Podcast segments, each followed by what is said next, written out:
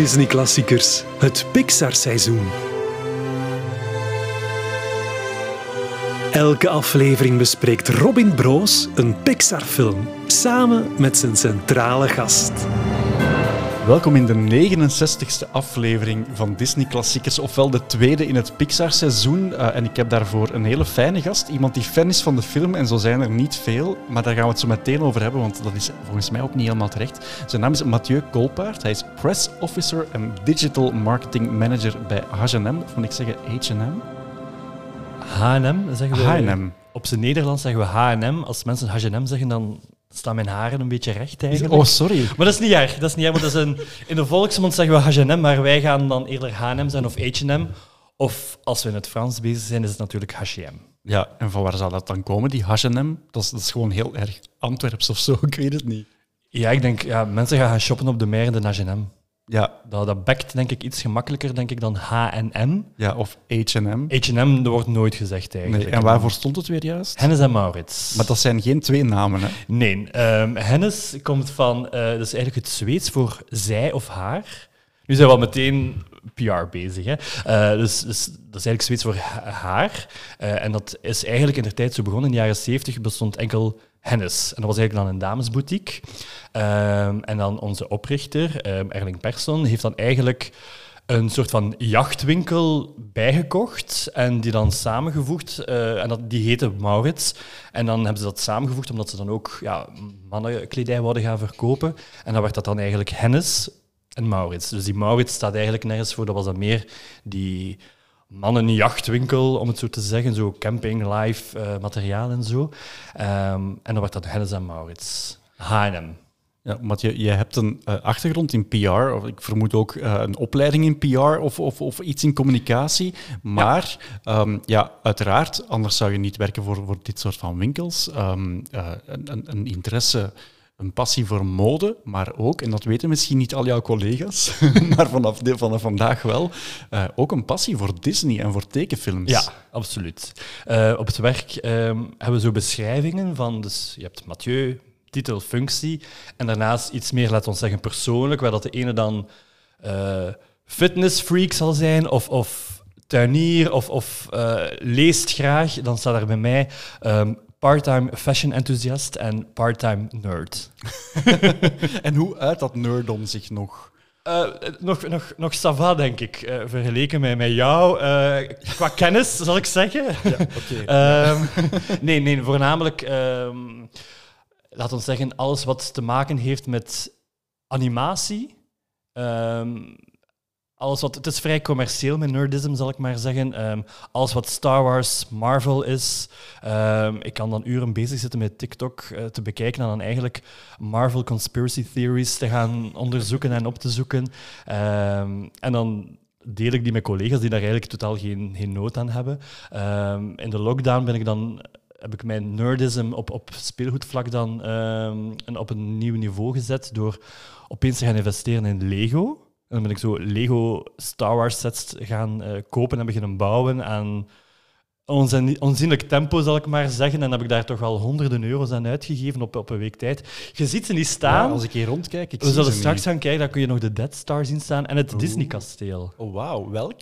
Want er zijn er denk ik twee uit... Nee, er is, nee, er is één uitgebracht. ja. Het, het, ehm, en ik denk dat die uit Californië is. Het witte. Het is die uit Orlando, denk ik. Of uit Orlando. Ja, tegenwoordig is die ook roos, maar toen was die wit toen die uitkwam. Ja, en het is Ja. de witte. Ja. De, eh, Ja. het is niet de die van Parijs. Moest ik die van Parijs kunnen eh, gehad hebben, zou Oh, wauw. Ja, die zou ik ook direct... Dat maakt Ja. niet uit hoeveel honderden euro's die kost, maar die zou ik ook direct kopen. Voilà. Bij Orlando heb ik, ik heb, moet ik toegeven, lang getwijfeld, maar het dan toch maar niet gedaan met het idee, waar, waar zet ik dat dan ook weer? Dat is mijn probleem op dit moment. Ja. Je gaat dat dan ook zien. eh, want ik heb dan ook heel veel Star Wars items gaan beginnen kopen. De, de Dead Star en dan Cloud City en al grote stukken. En dan begon ik mij zodanig te focussen op bepaalde minifigures die in bepaalde sets eh, terechtkwamen. En dan kocht ik bepaalde sets dan puur voor de minifigure. Omdat ik dan eigenlijk gewoon dan de Ahsoka Tano's eh wou hebben en dergelijke, die niet in alle sets natuurlijk zaten enzovoort. Dus, eh, Eigenlijk blijft jouw eh, passie, eh, in- intussen is alles eigenlijk wat met jouw passie te maken heeft, eigendom van de Ja. Walt Disney Company. dus mocht ik na Pixar besluiten, ik zeg maar iets, om verder te gaan met eh, Star Wars klassiekers en dan Marvel klassiekers, Dan, dan elke keer opnieuw ben ik bij jou aan het juiste absoluut, adres. mijn deur staat dan open. Dan, dan gaan we hier nog uren praten, denk Ja. ik. Kan je nog herinneren, Mathieu, wat de eerste film was die je in de bioscoop hebt gezien? Ik kan het mij niet meer herinneren. Ik, kan me, ik zie mij wel nog in die zaal zitten. Mhm. Ik wou ook niet naar van voor gaan, maar dan alle kinderen dan koprollen staan te doen enzovoort. Dat boeide mij niet. Ik zat heel Ja, echt geduldig te wachten. Ehm, ik, ik kan me wel Aladdin herinneren. Als, als een van de eerste films. Ehm, ik kan me dat nog heel goed herinneren. ehm, omdat ik dan ook altijd de nieuwe film die daarna kwam. En dat was dan Beauty and the Beast, als ik me niet vergis. Dus je zag dan zo die eerste trailer en zo. En dat... Beauty and the Beast komt voor Aladdin. Komt die voor Aladdin? Ah, kijk. Misschien was het omgekeerd. Dat kan. Ik herinner, mij, ik herinner mij de trailer van Beauty and the Beast en ik herinner mij Aladdin. Op een of andere manier. Maar Aladdin weet ik sowieso, heb ik gezien in de cinema. Ehm, en daarna, elk, elke zomer of, of najaar, wanneer dat de nieuwe film uitkwam, zat ik daar ook. Ehm, mijn, mijn, mijn, mijn mama heeft mij altijd verteld dat het op jonge leeftijd eigenlijk is begonnen. Vroeger had je echt zo Disney on Ice. Eh, en ik denk dat ik twee jaar was, of ja, twee jaar. Want ze zegt van, we hebben nu nog een pamper aangedaan, omdat we dachten van ja, een kind van twee jaar, na een half uur gaat dat beginnen zagen voor naar, eh, naar het toilet te gaan. En het was Sneeuwwitje on Ice, blijkbaar. Ik kan er mezelf niks meer van herinneren. En dat duurt dan anderhalf uur met een pauze. En eh, ik, ze zegt van, ik had u op de schoot en je hebt eigenlijk anderhalf uur niet bewogen. En echt gefocust staan kijken op wat er allemaal gebeurt eh, op die ijspiste. Terwijl dan alle andere kinderen na vijf minuten al begonnen rond te draaien en te kijken en te begonnen zagen, zat ik in coma-toestand bijna te kijken wat er allemaal gebeurde. Beetje hetzelfde wat je dan later deed als je naar de bioscoop ging, hè, waar de andere kinderen stonden koprollen uit te voeren. Zat ik te wachten totdat de lichten uitgingen en dat we konden beginnen aan de film. Ik was eerder ongeduldig van kom, Ja, dat is mooi. Dat is Laten we, laten we starten. En, en tot nu eigenlijk, als ik nu naar een film op Disney Plus zit te kijken, ehm, blijf ik geboeid. Heel raar, maar dan andere series of zo, dan ben je heel makkelijk dat je zegt van ik ga even de iPhone checken of zo. Een Disney-film, dat is ook iets heilig. Er wordt gezwegen en we kijken.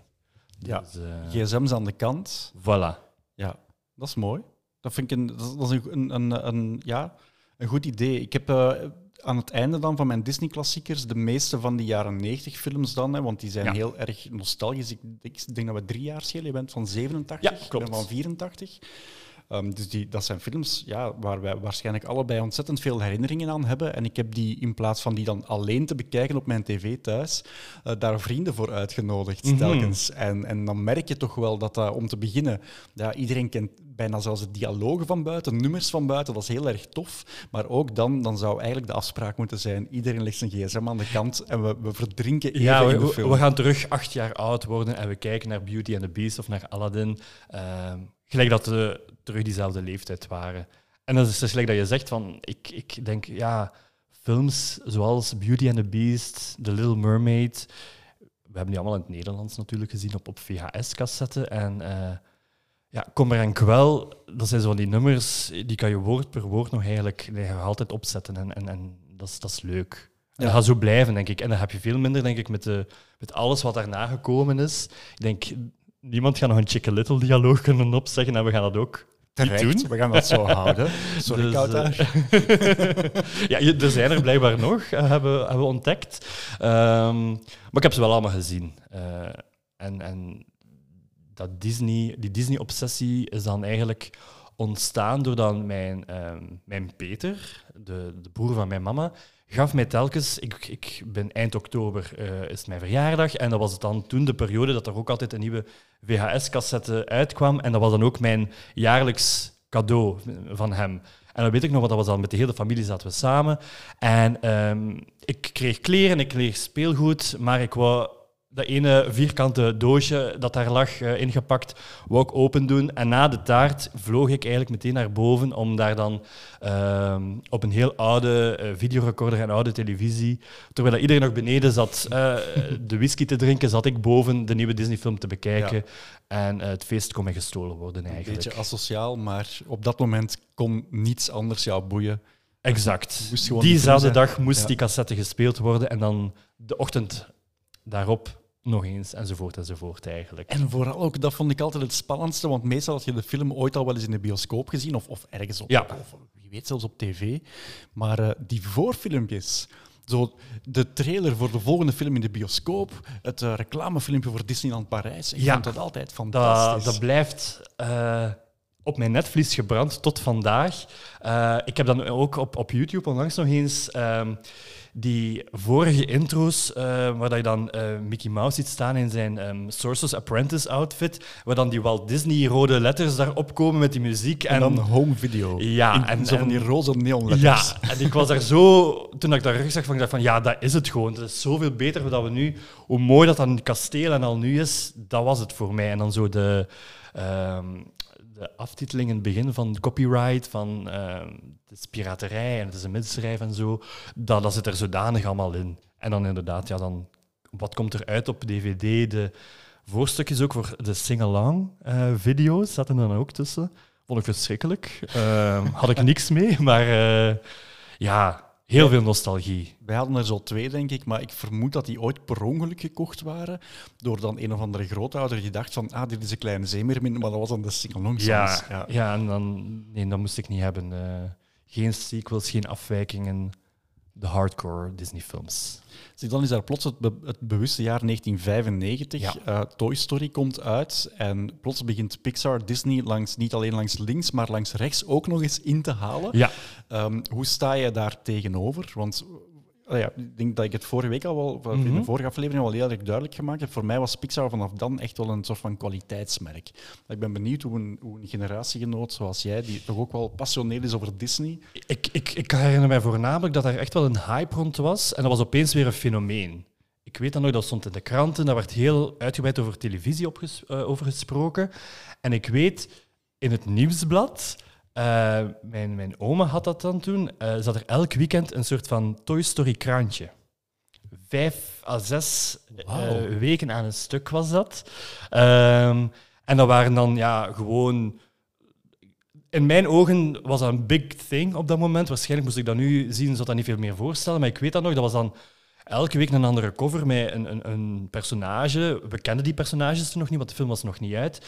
En er zat dan altijd ook een stukje van de strip in. En die was dan eigenlijk gewoon still life beelden van de film met dan tekstballonnen op. Maar je had dan al een idee over dat die film ging. En ik was dan zo van, oké, dit is voor mij... Ik had goud vast. Eh, want je had ook de Samsung-krant en dergelijke. I could not care. Dat Toy Story-krantje was heel, heel belangrijk. En dan, ehm, dan heb ik wel die film gezien in de, in, de- in de bioscoop. eh, ook met mijn, met mijn Peter toen. Ehm, en dat was wel zo van, ja, wauw. En tot op vandaag. Ik, ik denk, Pixar werd dan opeens zo echt, gelijk een kwaliteitslabel. En alles wat Pixar daarna deed, was beter dan Disney, had ik ook de indruk. Disney werd niet meer serieus genomen ook. Ik denk ook, ik herinner me nog, dan las je altijd de recensies in, in de kranten en in, in de media.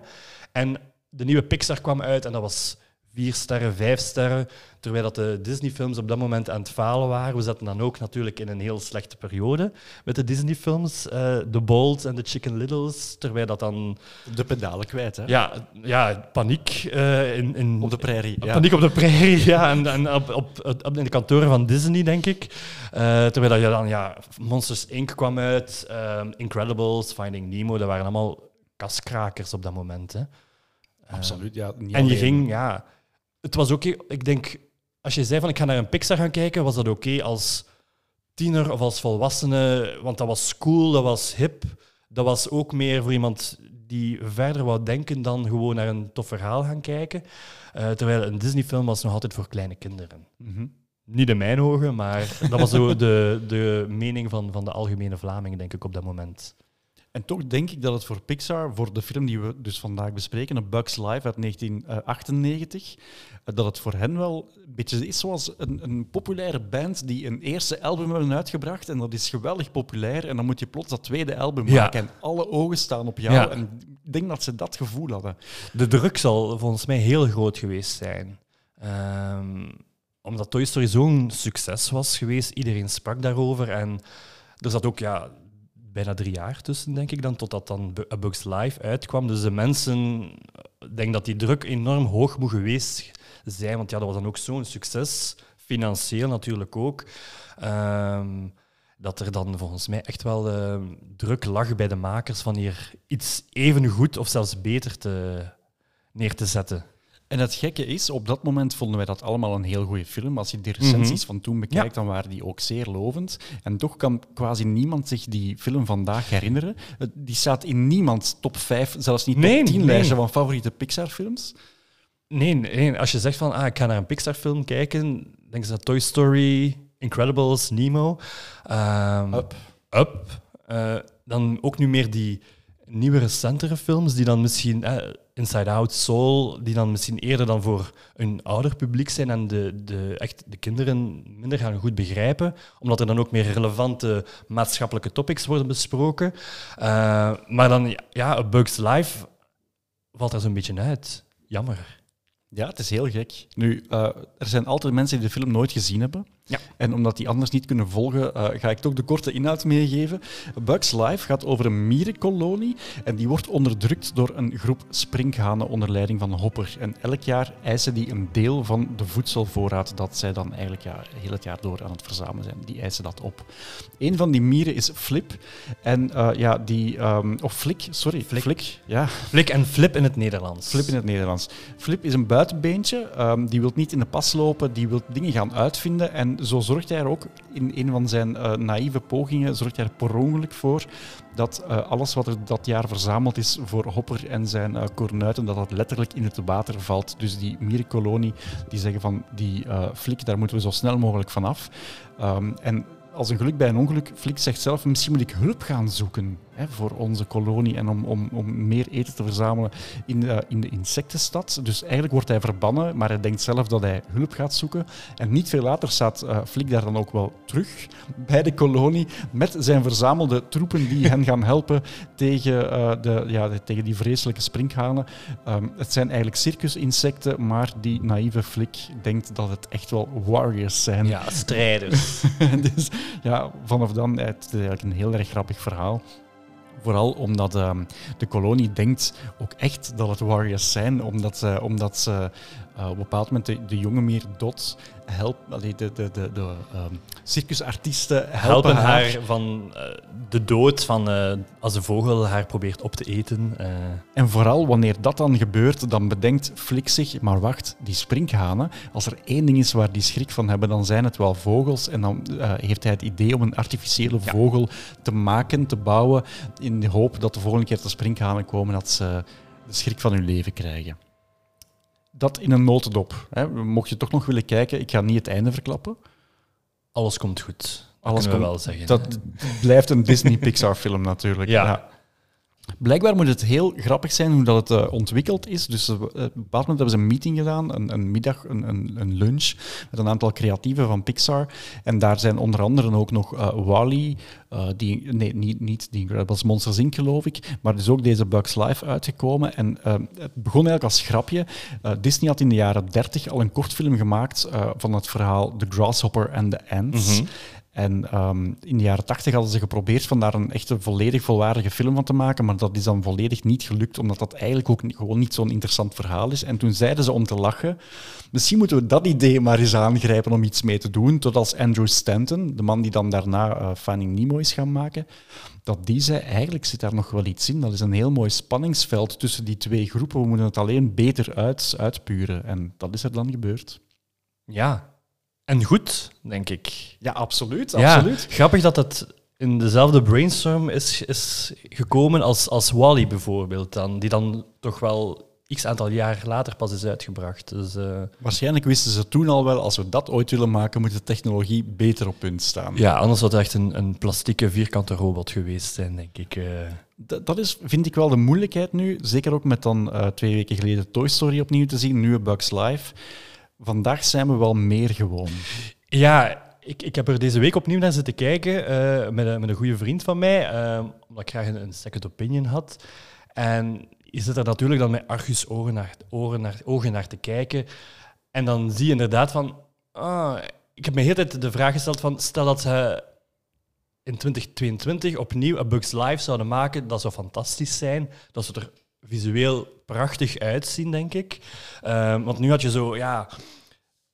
Face it, die, die grassprietjes, om het zo te zeggen, dat waren echt dikke stengels bij manier van spreken. Hè. Zo die klavertjes enzovoort, die stonden echt heel hard uit elkaar, vond ik. Uh, het was prachtig gemaakt, zeker voor, voor 98 was dat heel, heel mooi. Uh, maar als je daar natuurlijk nu naar kijkt, die mieren ook, ze zijn al plastiek. Ik weet, ja, je had dat vorige week ook aangegeven uh, met Toy Story dat dat gemakkelijk is, omdat speelgoed is plastiek. Ik denk dat dat bij die insecten misschien ook een klein beetje is, omdat die helemaal wat blinken qua, qua textuurtypes dan die, die insecten hebben. Um, ik denk, mocht je ze echt maken zoals ze echt zijn, dat het gewoon een heel griezelige film wordt. Ja, want dat wil je niet op zo'n groot scherm zien. Ja, want een insectenfilm zou je dan denken van, ja, dat gaan allemaal harige, achtpotige dieren zijn. En, en eigenlijk, ja, die, die mieren zien er eigenlijk heel sympathiek uit. Ze zijn ook blauw en paars, dat ook bizar is.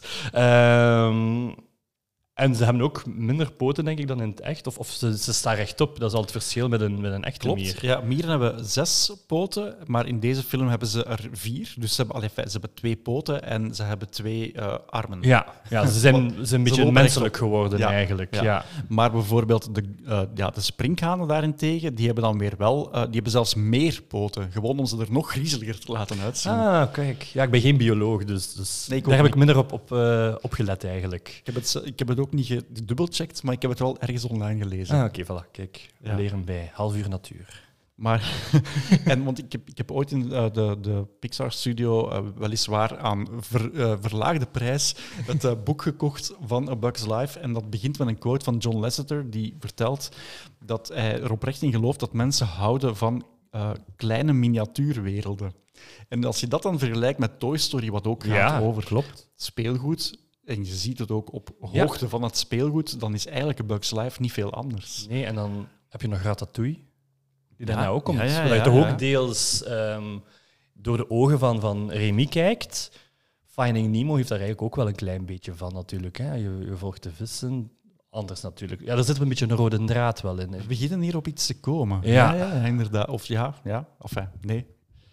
Ik denk ook, het, het, het ding van Toy Story, als in uh, we gaan um, onze grootste zwakte, namelijk alles ziet er plastiekerig uit, mm we gaan dat gebruiken als onze grootste sterkte, namelijk het wordt speelgoed. Als je dat één op één kan kopiëren naar die insectenwereld en daardoor insecten er schattig kunt laten ja. Voilà. En alles wordt groot en dan die, die stad wordt groot met alle, eh, een, een, een cola-blikjes, een huis, om het zo te zeggen, enzovoort. Dus ik denk dat het gemakkelijker is voor hen om daar rond te werken, omdat het, het hoeft niet realistisch te zijn. Uh, als je daarna een film zou maken in een gewone stad, moet het allemaal juist en op schaal gemaakt worden. En elk haartje moet goed liggen, waar dan ze dan later mm -hmm. fantastisch in geslaagd zijn. Uh, terwijl ze hier, denk ik, een easy way hebben gekozen, maar een heel goede voor mij. Ja, absoluut, absoluut. Want je kunt en... een volledige ja, fantasiewereld creëren, eigenlijk om uh, in te schatten hoe die wereld er zou uitzien vanuit het standpunt van die insecten, hadden ze ook een camera eigenlijk bedacht, of ja, niet uitgevonden natuurlijk, maar een, een voor die tijd miniatuurcamera gemonteerd op een soort van uh, Lego-wagentje. En daarmee zijn ze gewoon gaan rondrijden bij iemand in de tuin, ergens in een park, okay. weet ik veel, om dus te zien, als, als ze op hoogte zijn van insecten, hoe ziet de wereld er dan uit? Ja, en dat Slim. hebben ze dan beginnen namaken. Ja. Dat in combinatie blijkbaar ook wel uh, met de uh, Franse documentairefilm die in 96 is uitgekomen, Microcosmos. Wat eigenlijk dat, een soort van natuurfilm, maar over insecten. Mm. En dat maakt dan ook wel dat ze heel duidelijk konden zien hoe die bewegen. Want natuurlijk, ja, je, je kan, je kan zo'n beesten wel um, analyseren, maar het blijft wel piepklein. Het is, het is moeilijker, hè, want Vroeger gingen ze dan een, een, een, leeuwenwelp in de studio gaan halen om de bewegingen te kunnen tracken, hoe dat, uh, zo'n beest beweegt voor, voor de Lion King. Ja, je kan moeilijk ja, mieren en rupsen uh, naar een studio brengen, om, oh ja, of, of je moet dan gaan inzoomen. Ja, exact. exact. Dat is niet echt interessant ook, denk ik, om zo te zeggen. Dan moet iedereen met zijn vergrootglas voor. Ja. nu is het mijn beurt. Ja, voilà. Dus, ja, slim ook om, om, om te kunnen kijken van, vanuit het standpunt van een insect hoe groot alles is. Blijkbaar, want het hoofdpersonage in deze film is dus uh, Flick, die um, vanuit de kolonie naar de grote stad trekt. Maar aanvankelijk ging um, Flick eigenlijk in het circus ah. zitten. Red. Ja, en die ging Red heten en we ging een rode mier zijn. Ja. En ja, dan toch, en, en ook dat is wel iets heel erg typisch Pixar, wat er toen al, al in zat. Men kan nog vertrekken van een idee dat op papier heel erg goed lijkt, wanneer het doorheen het proces dan toch blijkt van ja, het marcheert niet helemaal, dan durven Ja. die bij te sturen. En goed, denk ik. Ik ben benieuwd wat er nog zo allemaal op papier staat in, in een kluis waar we nog niet van weten van... eh, was dit wel het personage dat we wouden? Of is dit wel de, de richting van de film waar dat we gegaan zijn? Naar aanpassingen toe. eh, heel benieuwd wat er nou zou uitkomen. Het mooie is dat, dat Pixar daar eigenlijk niet zo heel geheimzinnig over doet. Quasi voor elke film zijn er eh, sinds die Bugs Life eh, van die art-of boeken uitgekomen. Ja. Waar je dan de originele schetsen en, en, en zelfs maquettes of, of zo plasticine versies van figuren kan zien. En, en die evolutie is vaak heel interessant. Bij een film als Monsters Inc. bijvoorbeeld, die zagen er aanvankelijk compleet, compleet anders uit. Terwijl we vandaag ons niet kunnen voorstellen Nee. dat, die, dat die personages iets anders zouden zijn. Ja, tof. Het eh, personage, maar ja, nee, we moeten het, ik, ik, ik wil iets helemaal anders aanhalen. Je hebt mij net voor de opname verteld dat je redelijk wat ehm, ja, merchandise verzamelde, ook als kind of als tiener. ja, ja. ja. Maar bij Bugs Life zijn er een aantal personages blijkbaar, jammerlijk, compleet vergeten. Ja, ja dus, dus de film kwam uit en dan logische stap, de merch kwam uit. En ik, ik, ik was, ja, hoe asociaal ik ook ben om naar de film te kijken, ik was ook heel asociaal in mijn speelbehavior, zal ik maar zeggen. Ik wou gewoon altijd op mijn eigen spelen en ik kocht dan ook, of ik kreeg dan toen voornamelijk, ehm, de action figures van alle films. Hè. Aladdin, The Lion King. ehm, en dat is ook ja, van A Bug's Life. En eh, ik herinner mij nog, of ik, je had die dan allemaal apart eh, en die hadden allemaal verschillende tools. Ik had bijvoorbeeld, je had dan Flik en die had dan zijn ehm, parachute of zo, zijn, zijn toestel waar dat hij dan mee over de, over de, de ravijn hè, vliegt. Ehm, je had dan Francis, die dan samen stond met de wandelende tak. Al, die had dan ook een soort van kanon ingebouwd, eh, waar je dan, mee iets, dan je een penseel mee kon afschieten of zoiets. Dus ze waren wel iets meer action-packed. ehm, maar niet alle figuren waren daar. En dat, dat stoorde mij enorm, want ik kon niet... oké, ik speelde dan het liefst van al, die scènes natuurlijk na als, als kind. Ehm, en ik weet nog bijvoorbeeld dan de Rups, Heimlich, zat daar niet tussen. Terwijl dat, dat een van de... Of het beste personage van heel de film is. En die zat daar dan niet tussen. Ehm, de springhaan, de bitspringhaan en de spin... Zo meer, laten we zeggen, de andere, minder interessante figuren zaten er dan niet bij. Ehm, want ik wou heel graag dan bijvoorbeeld dan eh, Dim, de kever hebben, de neushoornkever hebben. En die heb ik dan ehm, in de Magic Box van de McDonald's gescoord. die dan wel veel kleiner was dan, dan alle andere figuren, maar toch, ik had hem. Eh, en ik heb die, ja, die staan ergens, denk ik, in een kamertje bij ons in mijn eh, ouderlijk huis. Eh, en, en nu zijn er kleinkinderen en, en heeft mijn moeder die terug willen uithalen en, en afkuisen. En zegt van, ah, ik ga dat een keer tonen aan hen, want misschien is dat wel leuk. En ze stuurde mij dan ook een foto door en dan zag je zo een Buzz Lightyear naast een Pumba liggen en ehm Flik lag daar dan tussen zonder de toebehoren.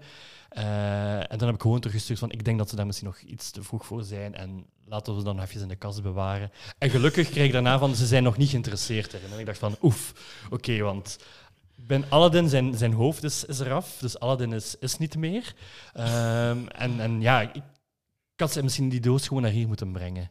Je Het hebt, was wel heel leuk gemaakt allemaal. je hebt eigenlijk een soort van omgekeerde Andy gedaan. ja, eigenlijk wel, ja. Ja, ik, ik geef mijn speelgoed niet graag door. Ik heb dan liever dat het eigenlijk twintig jaar In een doos. in een blijft. doos onder, onder het stof ligt, dan, eh, dan aan er gretige, vierjarig oude kinderhandjes zouden aanzitten, om het zo te zeggen. Oké, dat het zegt veel over... Ik begrijp het wel. Nee, ik begrijp het. Ja. Ja, ik Ja. ga ook niet zomaar mijn Toy Stories afgeven. Ah, Ik, ik zat aan te denken van misschien moet ik die hier allemaal naast mijn Lego Death Star toestel. Maar dan denk ik van, ja, hoe ver kunnen we nog gaan? Ik weet het niet. Het kan wel, het kan wel leuk zijn. Momenteel, laten we wel wezen, jouw appartement straalt niets uit van jouw nee, nerddom. nee, nee, dat zit achter, achter de deur en eh, grendel. Dat is- daar geraak je niet zomaar. In de, in de tweede kamer raak je Ja, zo. voilà. Dat is level 2.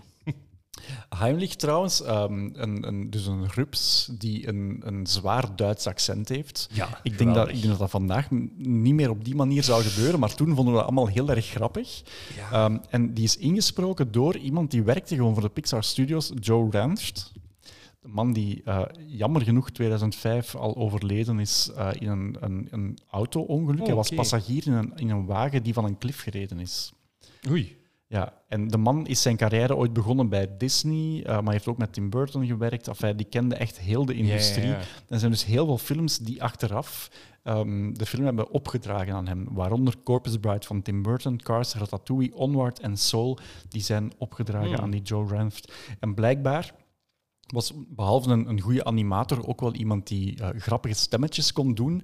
En die had dan zo de eerste versies van Heimlich ingesproken. Ze hadden, maar ik heb nooit kunnen achterhalen wie, een bekende comedian gevraagd om dat dan ook in te spreken. En op een bepaald moment hadden ze uh, scènes laten zien aan de vrouw van John Lasseter. En zij moest lachen wanneer het Joe was die het insprak. En ze moest niet lachen wanneer het een bekende acteur was. En dan heeft John Lasseter besloten, we gaan gewoon onze collega vragen Ja, ja, ja. om heel uh, alle, alle Goed. dingen van Heimlich In te. Ja, waarschijnlijk, Ja. want dat zit gewoon mee op de Met een payroll. takenpakket van... Spring rap nog eens de stemmenstudio binnen. Hij heeft blijkbaar ook Lenny, de verrekijker, gedaan in Toy Story. Hij heeft Wheezy, de pinguïn, gedaan in Ja. Toy Story 2. Hij is Jacques, de garnaal in Finding Nemo. En dan is hij ook nog eens Red in Cars. Ik, ik, ik herinner, nu herinner ik het mij opeens. Want ik herinner mij een, een foto ergens gezien te hebben van Weezy, de pinguïn, waar dan ze zeiden van Rip, die acteur, en op dat moment ging natuurlijk geen belletje rinkelen, dat dat ook dus eh Heimlich was. Dat is, eh, ja, dat is eigenlijk wel een heel droevig verhaal. Ja. En vooral ehm, als je daar nu mensen over hoort spreken, over het, niet alleen het creatieve genie dat hij was, maar dan ook nog eens blijkbaar echt een volksmenner. Iemand die de microfoon opnam wanneer het nodig was. ja, leuk. Op, eh, op feestjes leuke dingen deed. Dat moet wel een heel zwaar verlies geweest zijn. En dan nog op zo'n banale, tragische manier. Zeker als je dan hoort dat dat iemand is die toch jaren, die eigenlijk mee aan de wieg stond van alle grote successen, eh, die mede verantwoordelijk was en van toch wel heel goede personages ook. Ja, en, en zeker als je dan zo... Ik denk, ik, ik, dat is iets wat ik mij altijd afvraag, van hoe intens is die band bij die, die makers van zo'n film? Want je zit eigenlijk constant... Je zit weken, maanden op die ene scène soms bezig, heel hard nauw samen te werken van hoe, hoe, hoe sterk moet die band van die zijn tussen die mensen, op die relatie. Als je dag in dag uit zit te, zit te werken op dat ene oog dat open en dicht moet gaan van een meer. eh, en dat tot dan de eindfase is dat die film eindelijk dan in de bioscoop komt. eh, ik denk dat dat wel een serieuze... eh, dat is elke dag teambuilding, denk ik, daar bij die mannen. Dat denk ik ook. En ik heb nu gisteren voor de sport ehm, op Disney Plus staan er af en toe ook de extra's die op de DVD stonden. Er zit een panelgesprek bij. Ik heb daar ook naar gekeken. Ja, en op een bepaald moment vertellen ze dan, hè, eh, het gaat onder andere dan ook over eh, de man die overleden Ja. is. Ehm, in de aanloop naar The Incredibles was er een teaser verspreid waar eh, de studio zichzelf promoten van ehm, wij de makers van Toy Story, Monsters, van Inc. Monsters Inc., van Ja, eh, Finding Nemo. Nemo. Wij komen met iets nieuws, Ja. The Incredibles, en Bugs Life stond daar niet bij. En blijkbaar waren iedereen dat aan die film had meegewerkt, die waren zo op hun tenen getrapt, dat ze dus een soort van eh, Appreciation Ja. Week georganiseerd hebben, wat sindsdien blijkbaar nog jaarlijks herhaald wordt. Vind ik een heel, heel, heel En grappig je, tot idee. op heden zou dat nog altijd... Oh, dat weet ik niet. Dat wil ik nu wel eens uitzoeken. Ja, Dat zou wel heel grappig zijn, mocht dat nog altijd gebeuren. Nu, toen, na al die jaren. want we hebben dat- er zit dan in, in, die, in die korte snippets, er zitten snippets in van die Ja. Appreciation Week, waar dan ook eh, banners van Bugs Life worden uitgehangen. En aan het einde van de week hebben ze een volledige lezing van het script gedaan, waar dan ook Joe terug Ja. Speelt. Ja, ja, ja, geweldig. Ik denk, eh, ik, want ik zag het ook en dan zag je ook opeens zo de, de shotjes vodka toch eh, passeren. Dus ik denk dat dat wel een, ik, ik denk dat dat een, een heftige appreciation week eh, was op het einde van die week, denk ik. eh. Maar wel leuk. Ik heb die studio's bezocht. Ik denk dat daar veel alcohol... ja, Ik denk dat daar varkens tussen zitten. Creatieve breinen, maar varkens. En niet alleen op vrijdagnamiddag. Nee, nee. Maar ja, goed, kijk, als, als het dat oplevert, Voilà, dan, wie dan, mogen ze van om mij daar elke dag vodka drinken. Voilà. Een andere stem die regelmatig terugkeert is die van eh, John Ratzenberger. Die sprak hem in in Toy Story. En sindsdien, tot eigenlijk een Pixar-film of vijf geleden, kreeg hij telkens een rol. Zelfs al was het Mhm. maar iets heel banaal. Maar in deze is hij P.T. Flea. Ja, Dus De de, baas van het circus. Ja. ja. Wat ook wel, hij, vindt het blijkbaar zijn, zijn leukste rol, omdat hij gewoon ja, eigenlijk echt een asshole is. Hè? Iemand die kwaad wordt for no reason Ja. at all. ja een brompot, hè. En, en Uh, een figuur eigenlijk ook. Hè, um, want hij, hij sjoemelt eigenlijk daar zo'n een, een, groepje circusartiesten bij elkaar die eigenlijk niet echt een talent hebben, laat ons zeggen. Um, waar dan allemaal van die louche bromvliegen ook naartoe komen. um, ja, ja, en dan eigenlijk is hij een beetje degene die ervoor zorgt dat het allemaal in het honderd loopt, ook op het einde. Ja, absoluut. Maar wel leuk dat die acteur altijd die, die rolletjes uh, heeft mogen spelen. En je had het al over de, over de vliegen die er dan naartoe komen. Er moet ergens ook een moment in zitten waar de vliegen, waar, waar je eigenlijk kijkt vanuit het oog, of de ogen van want vliegen hebben natuurlijk ja, meer... zie je de rasters. Ja, en uh, dat zou gebaseerd zijn op, of er is een knipoog naar The Fly, de originele The Fly, niet die mm -hmm. met uh, Jeff Goldblum, maar die uit 1958. Daar zou ook al zo'n scène in gezeten ah, hebben. Okay. En zo zie je maar, ik, ik, en dat vind ik prachtig aan Pixar. Ja. Daar, ja. ja, de eerste keer kijk je daar altijd naar en, en dan ben je gewoon, zit je volledig mee in het verhaal, in de film, hoe visueel sterk dat het is. En dan daarna worden er zo druppeltjes gewijs allemaal van die easter eggs en van die kleine knipogen naar soms echt cultfilms, gelijk nu The Fly, uh, gedaan. En, en dat is wel sterk. Dat is echt zo van, oké, okay, we, we appreciëren echt wel onze liefde en de kunst van, van cinema. Er zit ook een uh, niet eens zo subtiele knipoog in naar Dumbo. Ja, ik heb die gezien. Ik ga hem u laten vertellen dan. Ik heb hem wel moeten opzoeken. Oké. Ik wist het niet van... van en, want ja, ik zeg ik heb die film heel vaak gezien, vroeger voornamelijk. En dan let je daar niet op natuurlijk. Hè. Uh, maar dus ja, onze vriend Pietie Flee, de circusdirecteur, dus hun karavaan eigenlijk, dus de, wa de wagon, waar dan ze, een soort van koets was het eigenlijk, uh, is een koekjesdoos. En daar staat op um, Casey Junior Cookies. En Casey Junior, dat is natuurlijk een referentie naar Dumbo, naar de trein. Uh, die, die in het Nederlands is van... Uh, ik red het wel, ik red het wel, ik red het wel, of zoiets iets, iets zegt. Uh, en dan heb je ook nog natuurlijk de Casey Junior Ride in, in, in Disneyland, Disneyland parken. Um, en er staat ook bij, want dat wist ik dan zeker niet, de koekjes komen van de J. Grant Bakery. ben ver gegaan, hè. En dat is blijkbaar, refereert dat ook naar Dumbo, naar Joe Grant, een van de medeschrijvers van Dumbo. Wauw. Nee, ik had nog gelezen dat um, als je inzoomt op een van die shots, dat je ook kan lezen wat de ingrediënten zijn of wat de informatie is. Geen koekje in de doos.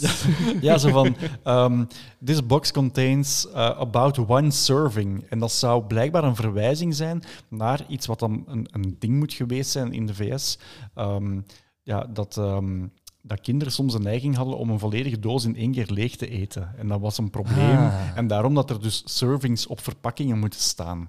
Porties eigenlijk. je kan zeggen, zeggen, ja, zoals op, bij ontbijtgranen staat het daar soms ja, ook op. Zo van, hier ja. kan je elf porties uithalen. Zo, Ah, ja, maar kijk. wie bepaalt wat een portie is? Dat is ook maar gewoon om je het gevoel te geven.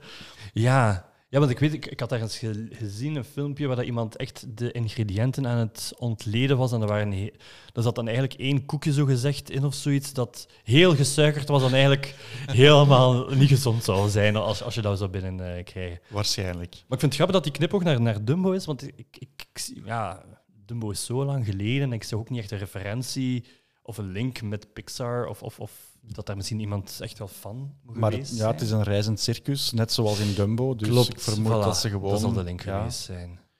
Ehm, er zit ook een verwijzing in naar The Lion King. Niet naar de film, maar naar de musical. Ja, Klopt. Maar eh, je weet het Ja. allemaal, dus ik ga het jou laten Ik heb mijn vertellen. Huiswerk gedaan. Ehm, ja, als, als eh Flick de, de Big City eh, binnentreedt, is er eigenlijk ja, een beetje referentie of een knipoog naar, eh, naar New York, naar, naar Times Square. Eh, en dan zie je eigenlijk allemaal producten en, en koekjesdozen en cornflakesdozen staan met namen op. En je moet heel goed kijken. Eh, het was mij niet de eerste keer opgevallen. Ehm, zie je een affiche eigenlijk, maar dan echt de musical affiche van, van The Lion King, die ook op dat moment speelde op Broadway. Ehm, dus dat was wel een, een slimme advertising eigenlijk ook weer van de mannen. Ja, het blijft Pixar en Disney natuurlijk, dus ze willen er alles uithalen. Dus dat vond ik wel goed, eh, dat dat er ook weer zo in zit, zo van die, die kleine dingen. eh, slim, slim gespeeld. En er zitten ook eh, twee verwijzingen in die Pixar eigenlijk altijd probeert te doen. Eh een van die dingen is A113, het klaslokaal waar een heleboel animatoren les hebben gevolgd aan, eh, aan Cal Arts. En A113 kan je zien op een doos van die ontbijtgranen als we de Big City binnenkomen. Oké. Dus als je Ja. Die frame, dus ook waar je de Lion King ziet, als je dat even freest, eh, pauze duwt, dan heb kan je gemist. ergens A113 zien. En eh, de andere belangrijke die echt in elke film, behalve die Incredibles, blijkbaar eh, te zien is, is de Pizza Planet Ja. truck. Dus de, de delivery truck van de fictieve pizzaketen uit de eerste Toy Story. En die staat geparkeerd naast een mobile home, net, buiten het, net buiten de stad. Je moet wel goed opletten, want het is, het is het is nacht. Ehm, je ziet hem niet goed staan, maar hij komt wel mooi prominent in beeld. Het is later pas dan ze echt hem soms heel, eh, heel gedetailleerd ergens weergeven in een hoekje. En deze exacte scène is dan nog eens gekopieerd in Monsters Inc. Want ehm, de Pizza Planet Truck in Monsters Inc. is ook te zien naast een mobiloom. En het is gewoon dezelfde mobiloom. En dat is op een moment wanneer, ehm, ik denk, Randall teruggestuurd wordt naar de mensenwereld. Ja, ja, ja, ja. Dan wordt hij in, in- Ja, ah, dat is dezelfde. Kijk, de multiverse. Ja, inderdaad. Zo is alles op een of andere manier Ja. met elkaar eh, in verband te brengen. Het enige wat ik in deze film alleszins zelf eh, nergens gezien heb, en ik vind er ook niks van terug online, de, de Luxo Junior bal. Dus de bal uit het filmpje met Ja. de springende lamp, die zou in deze Hmm. blijkbaar niet in zitten. Misschien waren ze daar nog niet mee bezig op dat moment. Het zou heel goed kunnen. Want ik veronderstel dat die mannen al bezig waren met A Bug's Life toen dat Toy Story nog ergens in, in productie zat. Waarschijnlijk hebben ze toen nog niet die, eh, die link willen maken of zo. Ja. Kan. We hebben het daar juist al even gehad over Dim. Namelijk, die had jij als personage eh, Ja. uit de Happy Meal. Nu, daar is iets heel raar mee aan de hand. Dat is een, een neushoornkever die ook een, een hoorn heeft Ja. Op zijn neus. Nu, eh, we spreken over 1998. Eh, toen waren er geen neushoornkevers met een hoorn. Oké. Dus kevers hadden geen hoorn. Nu, in 2016 is er een soort ontdekt die wel een hoorn heeft. En sindsdien spreken we van het DIM-effect. Namelijk Ah. dat iets uit de fictieve wereld, zoals A Bug's Life, dat het dan toch blijkt echt te bestaan. Kijk, dus, dus het nerdisme, het Disneyisme, het Pixarisme heeft toch mee bijgedragen aan de wetenschap. Ik probeer het zo te zien. Ik denk dat de bedenkers eh, van Pixar minstens even creatief zijn als mocht er iets bestaan als een schepper. Wauw. Ik geloof daar niet in, maar mocht het bestaan, dan zijn het volgens mij de mensen van Pixar. Zij hebben het bedacht. Ja, wie weet. Misschien is dat wel de multiverse. En toen van- schepte God de neushoornkever. Exact. En is hij blauw. Ja, Dat voilà. spreekt hij niet, want het is een beetje zo het, het achter, eh, niet het achterlijke, maar zo'n beetje het simpele figuurtje van, van de hoop eigenlijk. Hè. Zo het zorgenkind. Ja, inderdaad.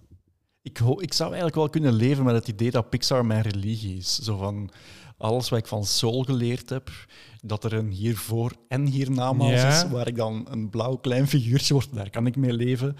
Ehm, Het zou kunnen, hè? Alles wat ik geleerd heb uit Inside Out, namelijk dat mijn emoties gestuurd worden door vijf gekke mannetjes in mijn hoofd, het zou fantastisch zijn. Maar dan ga je dus nu ook geloven dat eigenlijk al die Lego-figuurtjes op dit moment aan het leven zijn hiernaast.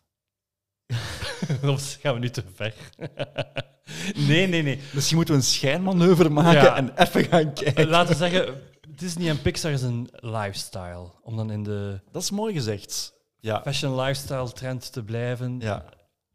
Ik durf dat soms te zeggen, want het is een soort van lifestyle. Van, want is- we, spreken altijd over nerdism en, en, en we zijn nerds omdat we dat allemaal geweldig vinden. Maar eigenlijk vind ik lifestyle misschien wat positiever, want ja, sommige mensen zijn dan into ehm, alles wat biologisch is en dat is ook een levensstijl. Mhm. Of eh, andere mensen zijn heel hard bezig met alles wat dat mode is en die kennen daar alles van en die kunnen zeggen van deze tenue is van de Spring Collection van Raf Simons enzovoort. Ik kan nu met eh, hand op het hart zeggen dat je een t-shirt aan hebt uit de eh, John Boyega collectie van, eh, van H&M. Klopt. van eind vorig jaar. Ja. ja. Waar ik dan heel, heel grote fan van was, natuurlijk, omdat het met John Boyega was, die ook meespeelde in Star Wars.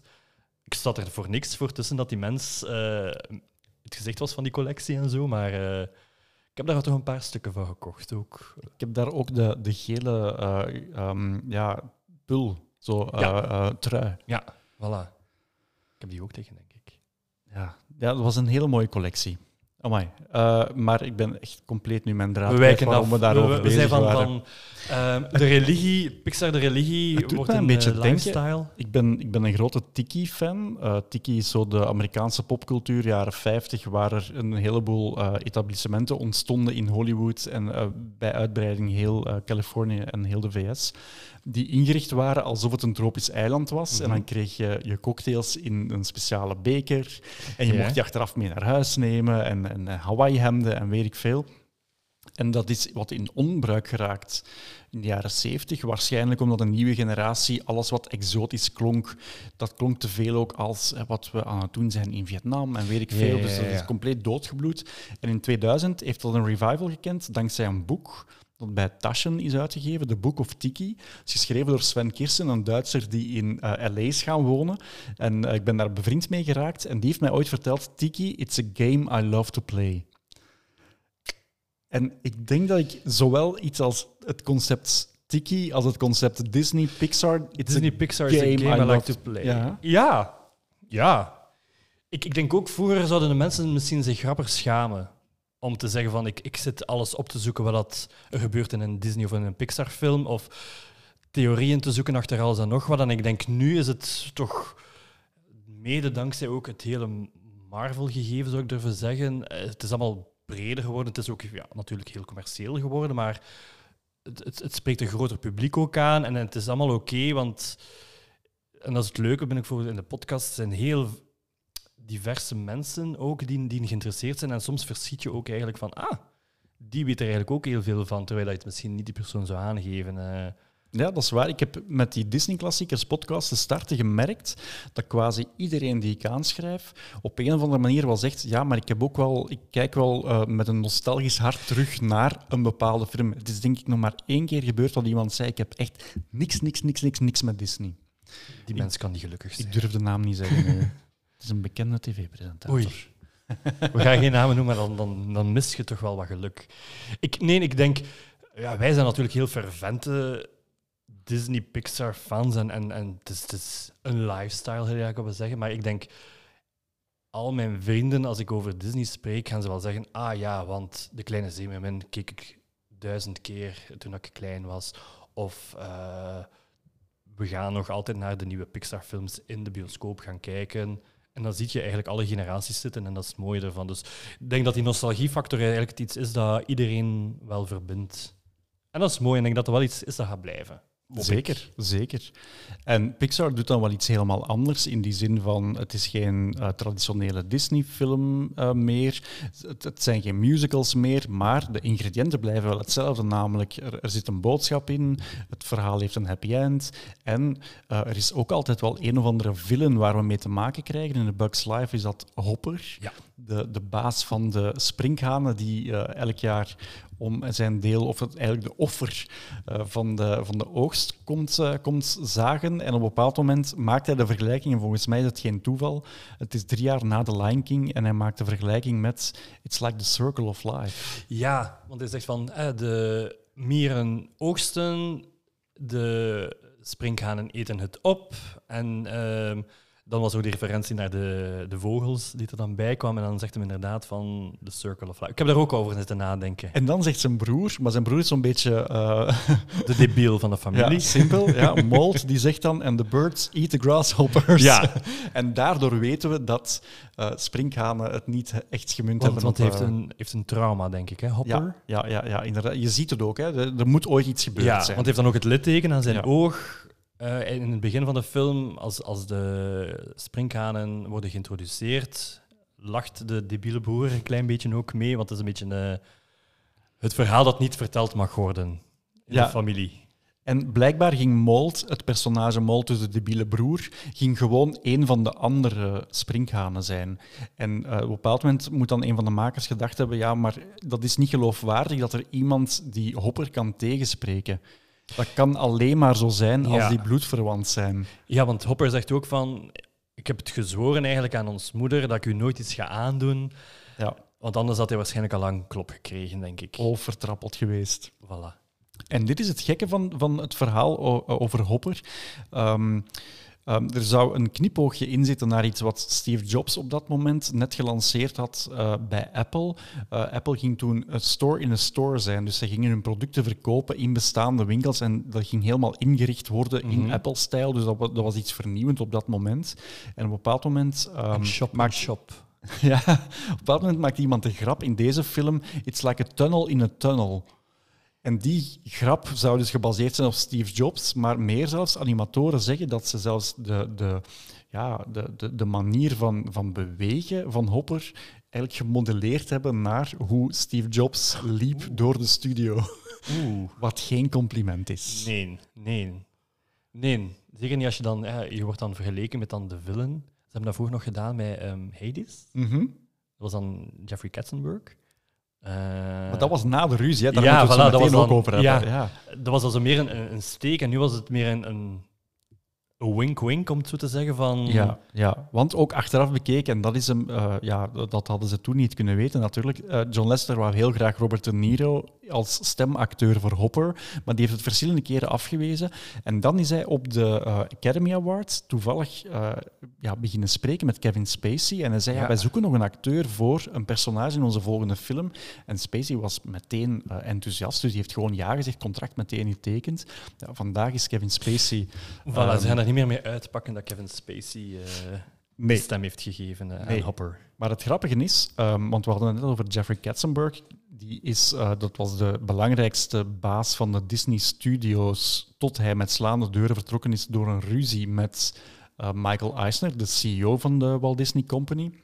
Dat was net na het uitkomen van The Lion King. Nu, die Jeffrey Katzenberg die wist natuurlijk alles wat er ging gemaakt worden. Die was op de hoogte van het maken van A Bug's Life.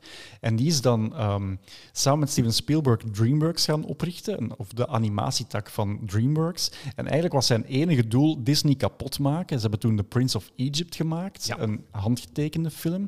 Maar ze zijn ook meteen begonnen met de productie van Ants. Ja. Wat geen toeval is dat het over, ook over mieren gaat. En die film moest en zou een maand eerder uitkomen dan A Bug's Life. Ja. Dat is eigenlijk... En, en, en als we dan het Kevin Spacey-verhaal volledig maken, de belangrijkste mier in Ants wordt ingesproken door Woody Allen. Maar goed, Oeh, kijk, amai. Dus- alle, alle stoute meneren, om het zo te zeggen, van Hollywood worden, eh, worden erin betrokken ja, eigenlijk. iedereen, alle Ants zijn cancelled van... Ja, wauw. Maar Ends is ook een beetje cancelled. Nee, niemand kan. Het, ding is, het grappige was, eh, voordat we verder gaan misschien op Ends, toen dat ik eh, dit weekend op terras, zaten we op terras met vrienden en ik, ik begon over eh, dat we de podcast over A Bug's Life gingen doen. En dan zag je zo wat mensen denken, ah, ik heb die gezien. En ik begon dan natuurlijk verder te gaan over, ja, dan kent je Heimlich, de, de, de Duitse rups. En dan zag ze kijken van, ah nee, maar ik heb dan die andere film over die meren gezien. Dus je ziet dan toch nog de, Zelfs de leek Ja. verwisselt misschien dan toch nog ehm A Bug's Life met Ants. Ehm, En ik vermoed dat dat ook wel gewoon de intentie zal geweest zijn van die Jeffrey het. Katzenberg, die dacht, als we ze dan toch eh, willen inhalen, ehm, Disney gaat er sowieso een marketingmachine achter steken. We kunnen Ja. er alleen maar van profiteren als het dan toevallig ook nog eens over hetzelfde gaat. want mensen zeggen van, ah, kom, we gaan naar de insectenfilm gaan kijken. Whatever Ants of A Bug's Life eh, het gaat zijn. En Ants was, nog, was op zich een, een, een grappige film, een beetje wat, wat DreamWorks altijd is Mhm. beginnen doen. Hè. Zo, Shrek Ja. is ook eigenlijk eerder een comedy dan een traditioneel sprookje. Dus ze hebben zich ook wel meteen afgezet tegen die andere markt. Ja, want de insteek van het verhaal was ongeveer toch wel hetzelfde. Want het ging ook over een army, laat ons maar zeggen. En daar was het meer dat de, de hoofdrolspeler in het leger wou. En, en hier is meer een legertje clowns dat, eh, dat aankomt eh, getreden. Ehm, dus volgens mij moet hij daar ook wel van, van op de hoogte geweest zijn, echt van die verhaallijn dan. Dat denk ik ook. Ja, Ja. snoeber. En ook dat is iets wat, ehm, ehm, want in, bijvoorbeeld in het ronde tafelgesprek, wat we nu gezien hebben op Disney Plus, daar wordt er weinig over gezegd. Maar John Lasseter zou wel achteraf toegegeven hebben dat hij ehm Katzenberg eigenlijk altijd wel hoog inschatte als creatief en daar ook altijd contact is mee blijven houden, ondanks zijn vertrek bij Disney. Meer als soort van, ja, ik vertrouw jouw oordeel en die moet daar ook openhartig Ja, gewoon ja, ja. alles tegen verteld hebben van, we zijn met dat verhaal bezig, het gaat die richting uit. En in plaats van dat die Katzenberg dan gewoon zou zeggen, ah, maar wij gaan hetzelfde doen. Nee, heeft hij gewoon al die info opgenomen. En dan, Ja, en, en waarschijnlijk, dat stond niks op papier natuurlijk, hè, contractueel, want ik vind het gewoon een beetje raar, want het is eigenlijk een beetje ja, fraude dat je aan het doen bent. Hè. Je pakt eigenlijk bedrijfsinformatie, vertrouwelijke bedrijfsinformatie mee van bedrijf 1 naar bedrijf 2 en je gaat het eigenlijk gaan kopiëren, om, om het zo te zeggen. In de meeste contracten die ik ooit getekend heb, daar staat dat heel duidelijk in Ja, dat niet mag. Ah, Mij lijkt het logisch als je van werkgever verandert, om het zo te zeggen, dat je alles wat je gedaan hebt, dat je dat mooi op de harde schijf laat staan en dat je zonder enig materiaal gaat vertrekken. Ja, inderdaad. Of toch op zijn, ja, je mag je contacten meenemen, maar... Ja, ehm, maar laat ons zeggen dat we de ideeën, eh, en de zeker- ideeën van H&M blijven in de kluis van H&M. Ja, voilà. En zeker als het niet je eigen ideeën zijn. Ja. Dat je toevallig weet dat er iemand mee, mee bezig is. Ja, kijk. Ja, ik vraag me dan af, want ja, ik was natuurlijk te jong, maar ik kan me wel voorstellen dat dat toch wel een soort van mediahetsen heeft, heeft veroorzaakt. Ehm, want dan heb je opeens de grote speler Disney Pixar, die opeens dan wordt afgetroefd door eh, DreamWorks, dat opkomend was, want die begonnen toch wel Mhm. succesvolle films, eh, zoals een- Prince of Egypt, Ja. eh, uit te brengen. Ehm, Het had ermee te maken dat Katzenberg vooral heel kwaad was dat Disney bewust eh A Bugs Life ging programmeren rechtstreeks tegenover ehm The Prince of Egypt, wat dan het vlaggenschip ging worden van die nieuwe animatiestudio Mhm. van DreamWorks. En toen hij dat hoorde, heeft hij gezegd, ja, we gaan nu gewoon ergens technologie opkopen om ook 3D-animatie te kunnen maken. En dan doen we gewoon een film die er keihard op gaat lijken.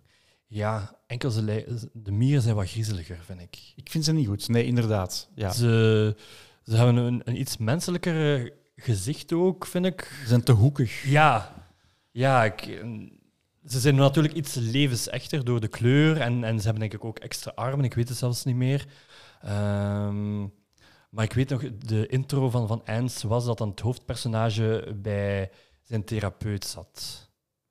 Dus het was al een iets, laten we Ja. zeggen, meer voor volwassenen qua humor, denk ik. Ik, ik, ik heb die ooit gezien, maar ik heb hem nooit meer opnieuw gezien. Het heeft mij ook nooit echt aangespoord, moet ik zeggen. Ik kan het mij oprecht niet meer herinneren. Dus in 98, dan was ik 14. Ehm, ik weet nog zeer goed dat we die film zijn gaan zien in de bioscoop. Mijn zus en ik. Mijn zus is van dezelfde leeftijd als jou. Mhm. ehm, met mijn vader.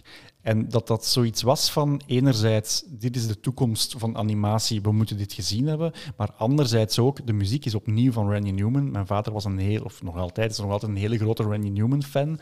Ehm, een beetje een buitenbeentje in Hollywood, Ja. maar dat past dan ook weer in die stijl van Pixar, die zich wat willen afzetten tegen de rest. En eh, ja, dat, eh, die, muziek is zo ongelooflijk in deze film. Ja, ehm, want ik, ik heb daar nooit bij stilgestaan. Ik, ik had, want ik was eigenlijk verbaasd dat het ook van Randy Newman was. Ik wist, Randy Newman had Toy Story gedaan, met een heel bekende soundtrack en, en, en de titelsong en, enzovoort. Ehm, en, en toen ik dat wat begon op te zoeken, zag dat eigenlijk Randy Newman heel veel Pixar's heeft gedaan, Monsters Inc. ook. Wat dat dan mij dan wel de link heeft gelegd, omdat er ook toch wel dat, dat ene nummer in zit enzovoort. Bij, bij A Bug's Life had ik dat niet. Ehm, maar dan begon de intro-muziek te spelen en dan dacht ik van, ja, natuurlijk. En het kwam allemaal terug. En die openingsscène, toen ik het gisteren opnieuw bekeek, ehm, ja, we, zien eigenlijk eerst zo wat natuurbeelden hè, om te laten zien van zie eens, we kunnen met de computer heel mooie dingen maken en dan komen we in die kolonie terecht. En dan zit daar muziek onder waarvan ik meteen moest denken aan zo van die westernmuziek die ik eh, hoor in Frontierland, in Disneyland, zo de, de achtergrondmuziek Ik had, daar. een, ik had een heel warm, nostalgisch gevoel en kon het niet echt thuis brengen. En nu dat je het zegt, inderdaad... En dan ben ik gaan verder lezen in de voorbereiding voor vandaag.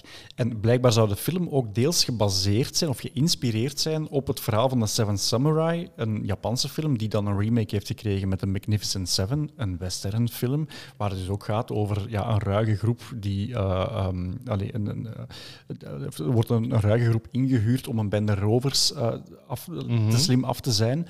Maar heel dat western gegeven hoor je eigenlijk wel in die muziek. Ja, zeker in het begin, zo die, die aanloop. Dus echt zo van, elk moment kan er inderdaad een, een cowboy passeren met een witte hoed op, op een paard en, en wat revolverhelden, om, om het zo te zeggen. Terwijl dat dan niet in, het, in de film echt terugkomt. Je hebt geen cowboy-feeling. Verre van eigenlijk. eh. Maar bijvoorbeeld, je hebt zo de, de eh, volledig uitgedroogde grond en je hebt dan de, de, ja, de, de, moet je, moet je dat zeggen? Ja, de, de, de scheuren eigenlijk in ja, de grond. gebroken aarde Ja. eigenlijk. Ja. En dat is dan uiteraard tien keer groter dan dat we dat zouden normaal zien, omdat het op Ja, je zit in een soort van, van moet ik zeggen, zo, ja, western gevoel. Zeker als ze dan naar beneden zitten. Als, als er is Flik- niks, als Flik in een met soort van woestijndroogte. Als, als, als Flik zijn tocht naar de stad Ja. aanvangt en dan zo een pluisje neemt om Ja. daarmee rustig naar beneden te dwarrelen, heb je echt het gevoel dat je een tocht maakt door de Grand Canyon. Ja, en dat, was, dat vond ik wel mooi gedaan. Ook, ook daarna, als dan ehm, Dot aangevallen wordt door de vogel, zitten ze daar opnieuw. Eh, en dan vallen ze dan nog tussen die spleten eigenlijk van die aarde. Elk korreltje aarde lijkt ook een rots, om het zo te zeggen. Eh, Mhm. En dat is wel mooi gedaan, zo die referentie van dat uitvergroten of dat verkleinen van die werelden. ehm, vond ik wel leuk gedaan, want ik, ik stel mij meteen de vraag van, zouden ze zich op ergens iets gebaseerd hebben van waar vindt dit plaats en hoe groot is die wereld eigenlijk? Want ik, ik stel me altijd de vraag van, ja, ik ga dan naar de big city, maar waar is die big city dan? Is dat voor ons vijf stappen van die boom waar dan ze wonen? Of is dat echt dat je de auto moet pakken, wat ik dan niet denk, want het is een meer, dus zo ver kan hij niet stappen. En die is vrij snel terug, Ja, had ik de indruk. het is Amerika ook, hè. daar zijn afstanden eigenlijk in vergelijking met hier. Ja. Het, het, het grappige is, ik denk van, is het gewoon in een parkje? Want ik had ook iets opgezocht.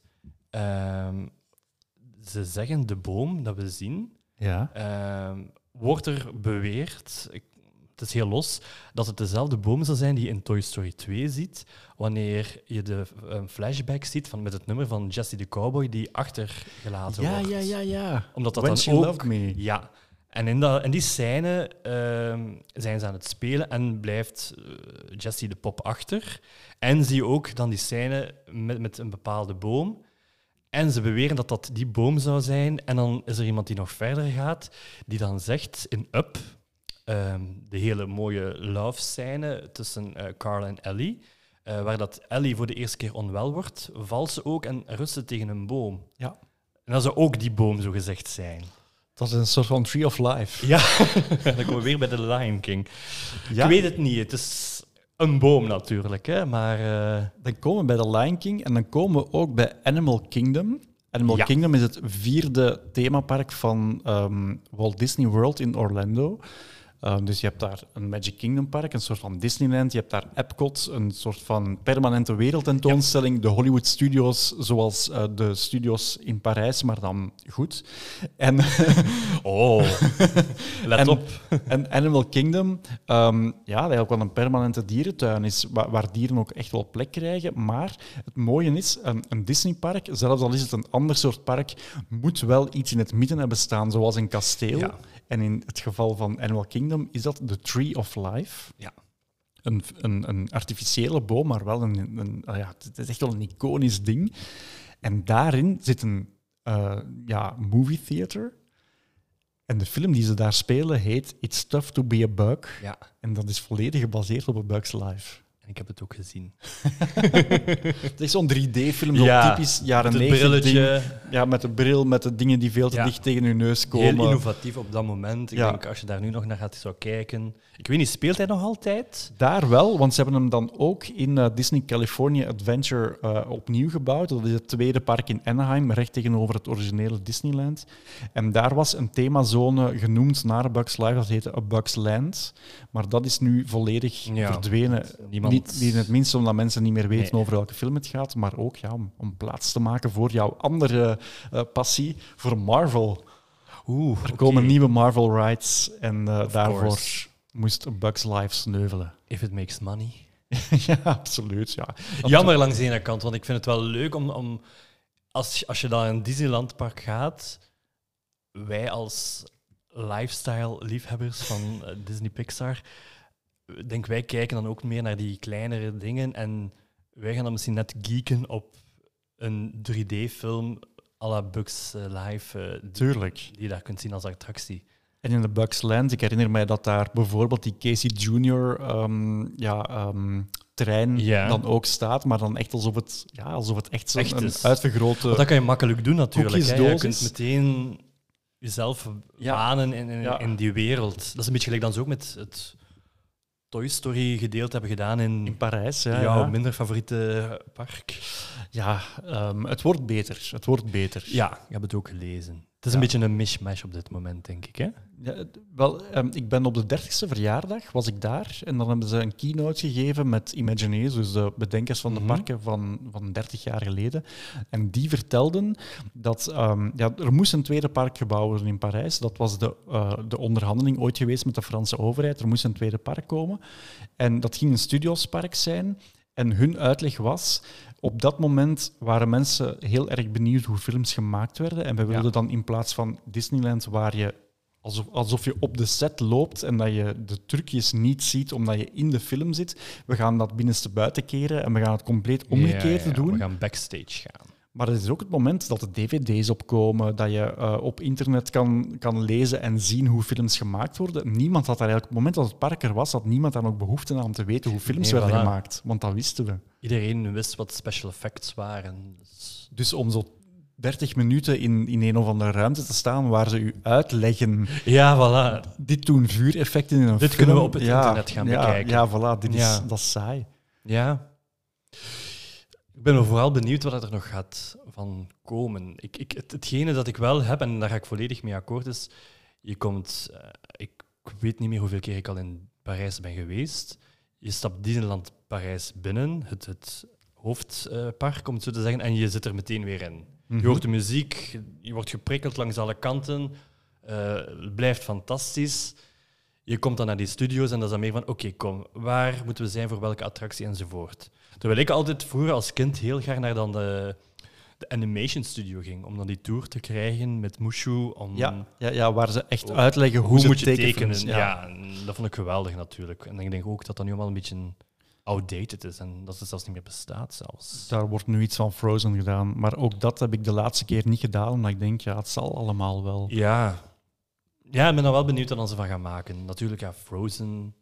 Voor, dus ja, voor, voor, geld, voor, wie het niet ja. zou, voor wie het niet zou weten, er komt een heel groot Frozen gedeelte rond een meer met dan ook dat kasteel van Arendelle.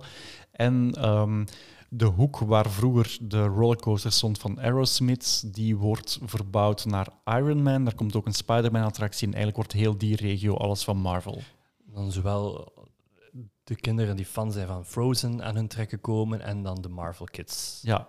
En ooit was er ook, enfin, eh, op bepaalde schetsen zie je het nog, was er sprake van daar ook een Star Wars gedeelte te bouwen. Maar ik vermoed dat corona wat dat betreft eh, de Ja. fondsen wat dichtgedraaid heeft. Maar dat zal beginnen met Frozen en Marvel. En dan, de plaats is er toch. Ja, voilà. Ze kunnen nog, er is nog uitbreidingsmogelijkheden. Zeg, waar we het nog niet over hebben gehad, en vind ik wel belangrijk, ik ga het proberen om het ook elke keer opnieuw aan te halen. Eh, Pixar heeft er een sport van gemaakt van voor elke bioscoop-release ook een kortfilm in de zaal te brengen. En in dit geval was dat Gary's Game. Eh, het was de eerste kortfilm die ze gemaakt hadden sinds de jaren 80, want toen was Pixar echt aan het experimenteren met die, met die nieuwe technologie. Eh, maar eigenlijk vanaf dan proberen ze niet alleen nieuwe regisseurs uit, maar ook vooral nieuwe technologieën uit. Gary's eh, Game gaat trouwens over een, een man die eh, een schaakspel speelt. En naarmate de kortfilm vordert, merk je dat hij eigenlijk gewoon tegen zichzelf aan het Ja. spelen is. Ja, dus leuk gedaan. Dus, dus het is mooi gemaakt. eh, zeker niet een van hun beste shorts, zou ik zeggen. Maar ja, het leuke is vooral, eh, als we naar andere films gaan kijken, komen we eigenlijk te weten wie dat Gary eigenlijk echt is. Namelijk in de volgende, Ja. Toy Story 2. Ja, ehm, zonder de film te spoilen natuurlijk. Hè. Gary is eigenlijk een soort van speelgoedmaker of, of fixer. Hij eh, op een gegeven moment scheurt de arm van Woody.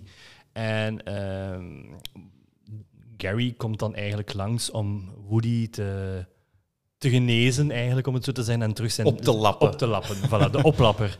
Maar dat is een heel mooie scène, vond ik ook. Ja. Je Ja, ziet daar dan weer dat Pixar weer al verder staat. Ze gaan echt in detail. Je ziet hoe mooi ze die schouder terug aan, aan zijn figuur naaien enzovoort met die naald, waar dat hij dan heel hard mee aan het bibberen is eigenlijk om, om die draad door die naald te krijgen. eh was weer leuk, leuke knipoog, vind ik, van, van Pixar eigenlijk. Ik ben het echt bewust nu gaan opzoeken, want ik ben altijd heel benieuwd wat is dan de technische of de technologische reden waarom ze een bepaalde kortfilm maken. Het verhaal of, of een regisseur uittesten is één ding, maar er moet toch ook wel een technologische ontwikkeling zijn. En in dit geval, blijkbaar tot dan, als je een oppervlakte had van om, dus, eh, een huid of een muur of whatever, dan moest die eh, digitaal ingekleurd worden en dan moesten ze stukje per stukje doen. En dat maakte dus eigenlijk dat elk stukje aan elkaar moest plakken. En stel dat in de volgende shot ehm, er een beweging werd gemaakt, dan zat daar een ruimte tussen, moest die weer opgevuld worden. En ze hebben toen een technologie, ja, ik ben het heel, eh, misschien heel slecht wie wie hier echt iets van weet, gaat nu zeggen, wat de fuck is die aan het uitleggen? Maar het komt erop neer dat men toen een, een technologie heeft bedacht die ervoor zorgt dat eigenlijk ja, de, de, eigenlijk het soort van behangpapier, of, of ja, de oppervlakte, die je, de, de kleur die je geeft, of, of de, de invulling die je geeft aan een oppervlak, dat dat ook organisch kan meegroeien bij elke beweging. Ja, ja, dat En- het niet, niet, niet te vlak blijft eigenlijk. En dat is de reden waarom er tot dan toe eigenlijk amper mensen in beeld kwamen in Pixar-films of gewoon in, in computeranimatie Het is een soort van textuur. En dat was te moeilijk, Ja. want dat zag je, dat bleef er gewoon uitzien als iets plastic wat ergens opgeplakt was. En sindsdien slaagt men er wel in van daar een soort van expressie in te krijgen. Ja, want ik denk dat is de grootste evolutie eigenlijk. Hè. Als je kijkt naar die eerste figuren, de Andy, de mama van Andy, Sid, dat zijn griezelige figuren in die eerste film. En dan, eh, als je dan kijkt naar, ik, vooral Brave vind ik fantastisch gemaakt dan bijvoorbeeld. Hè. Dan die bos krullen eh, van, van Merida. Daar komt alles samen. Hè. Zo, Fantastisch, haar, ja. Wat ze dan geleerd hadden met Monsters Inc. Uh, hoe, hoe gezichten eh, expressief kunnen zijn. Dat is ongelooflijk wat er in die film dan... Dat is een visitekaartje kijk wat we allemaal kunnen. Ja, En- klopt. Die waren ook... Ik, ik ben dat jaar... ehm, eh, ik heb mensen leren kennen in L.A. Die, eh, waarvan iemand werkte voor Disney en de andere bezig was voor Sony in animatie ook. Maar die kenden ook heel veel mensen bij zowel Disney als Pixar. En ze waren toen bij... eh, ja, bij, bij Disney heel erg teleurgesteld dat zij niet gewonnen hadden met Wreck-It tegenover Brave van Pixar. Want Pixar heeft gewoon alle Ja. Academy Awards gewonnen. Maar de reden was eigenlijk gewoon omdat men in de sector, ook wel wat jij net zegt, men heel erg eh, ja, eh, onder de indruk was van wauw, hoe dat al die dingen plots in één film samenkomen. Ja, dat was denk- nog nooit gebeurd. Ik, ik vind wat ik. En dat, dat, dat zie je heel hard, vind ik nu bij de nieuwe Pixar-films. Is echt zo van: we gaan iets tonen wat dat wij allemaal kunnen. Ehm, ik weet, er is ook zo een, een, een één beeld dat op Instagram altijd rondging van de polo van Mr. Incredible in de tweede film, dat hij dan de baby vast heeft en dan je ziet echt zo, ze zoomen echt in op eigenlijk de textuur van, van zijn, zijn t-shirt of van zijn polo dat hij aan heeft, dat je tot de kleine vezeltjes van die polo ziet van het is al een keer gedragen geweest. Die details, ah ja, ja dan, dat vind ik geweldig. Hè. Ja, absoluut. Als je dan inderdaad terugkijkt naar een Bugs Life of een originele Toy Story, Ik, ik denk van, moesten we nu terug een Bugs Life maken, die, die dieren zouden fantastisch zijn. Die lagen van, van die, die insecten zouden zo geweldig zijn. Ik bedoel, de spin is eigenlijk gewoon een, een zwarte bol met wat poten, om het zo te zeggen. Die is totaal niet gedetailleerd eigenlijk bijna. Ehm, dat zou wel super interessant zijn om die film Ja. na te maken met de de technologie van remake, ik vandaag. denk. Want er zit toch wel wat actie in in de film. Ik bedoel, naar het einde toe, al- als er dan eh, als Hopper eh Flik meepakt, de regen begint, dan zijn van die dikke klodders die naar beneden vallen. Want ze willen tonen van, kijk, één regendruppel kan fataal zijn voor een insect. Eh, zoals een mier die zo klein zijn. Ehm, ik denk, maak dat vandaag opnieuw. Die vogel ook. Die kunnen zo spectaculair maken. Zo een soort van dinosaur van maken. Als hij zijn, mond open, zijn bek opentrok, komt er dan ook zo'n schreeuwgeluid uit. Slim bedacht. Om te tonen van, ja, een musje voor een insect is een predator. is echt Mhm. een, een, een aanvallend beest. Ehm, A Bug's Life 2023. En, en dat zou fantastisch zijn, denk ik. Ja, Ze gaan dan wel de stereotypen er moeten uithalen. ja, ja, of ja, nee, ja Of inderdaad. De, het Duitse accent, dan de tweeling, de pissebedden, hebben dan zo dat Russische accent een beetje. ehm Het zouden Hongaren zijn. Hongaren, ah, kijk, Ja, voilà. Dat stond blijkbaar ooit op de officiële website van A Bug's Life. De Hongaarse pissebedden. Ja, dat tuck and roll zijn Hongaren. Nu, het grappige is wel, ehm, op het einde, van, ja, enfin, ik- wie, wie tot hier geluisterd heeft, heeft de film ongetwijfeld volledig gezien.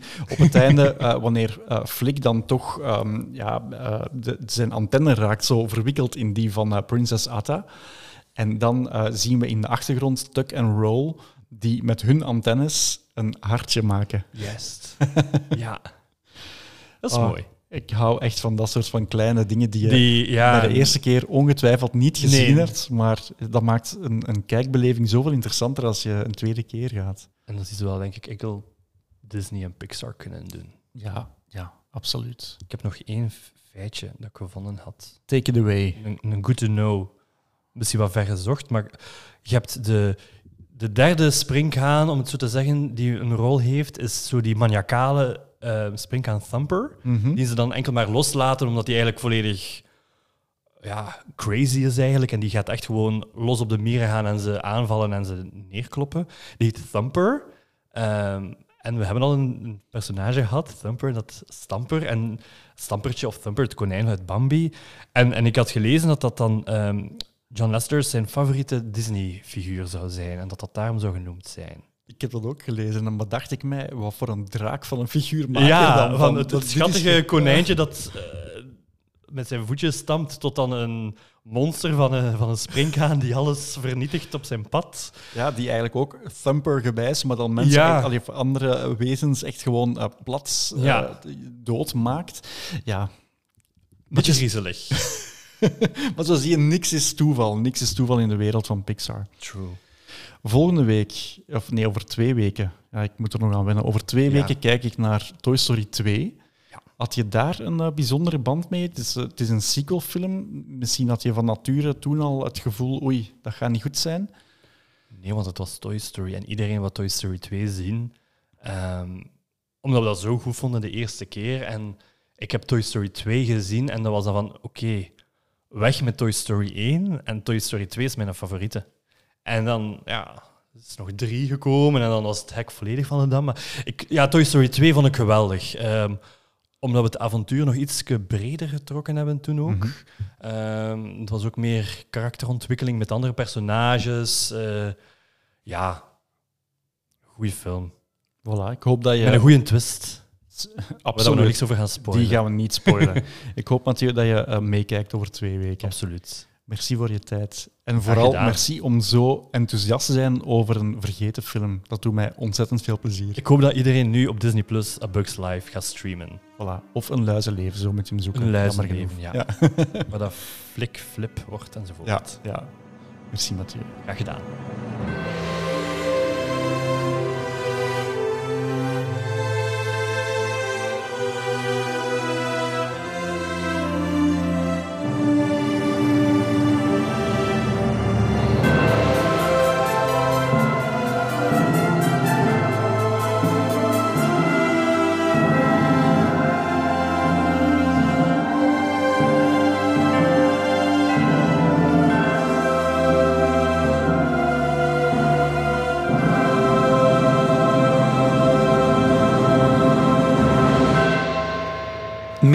Vragen of opmerkingen naar robin.robinbroos.be of post ze onder de hashtag Disneyklassiekers.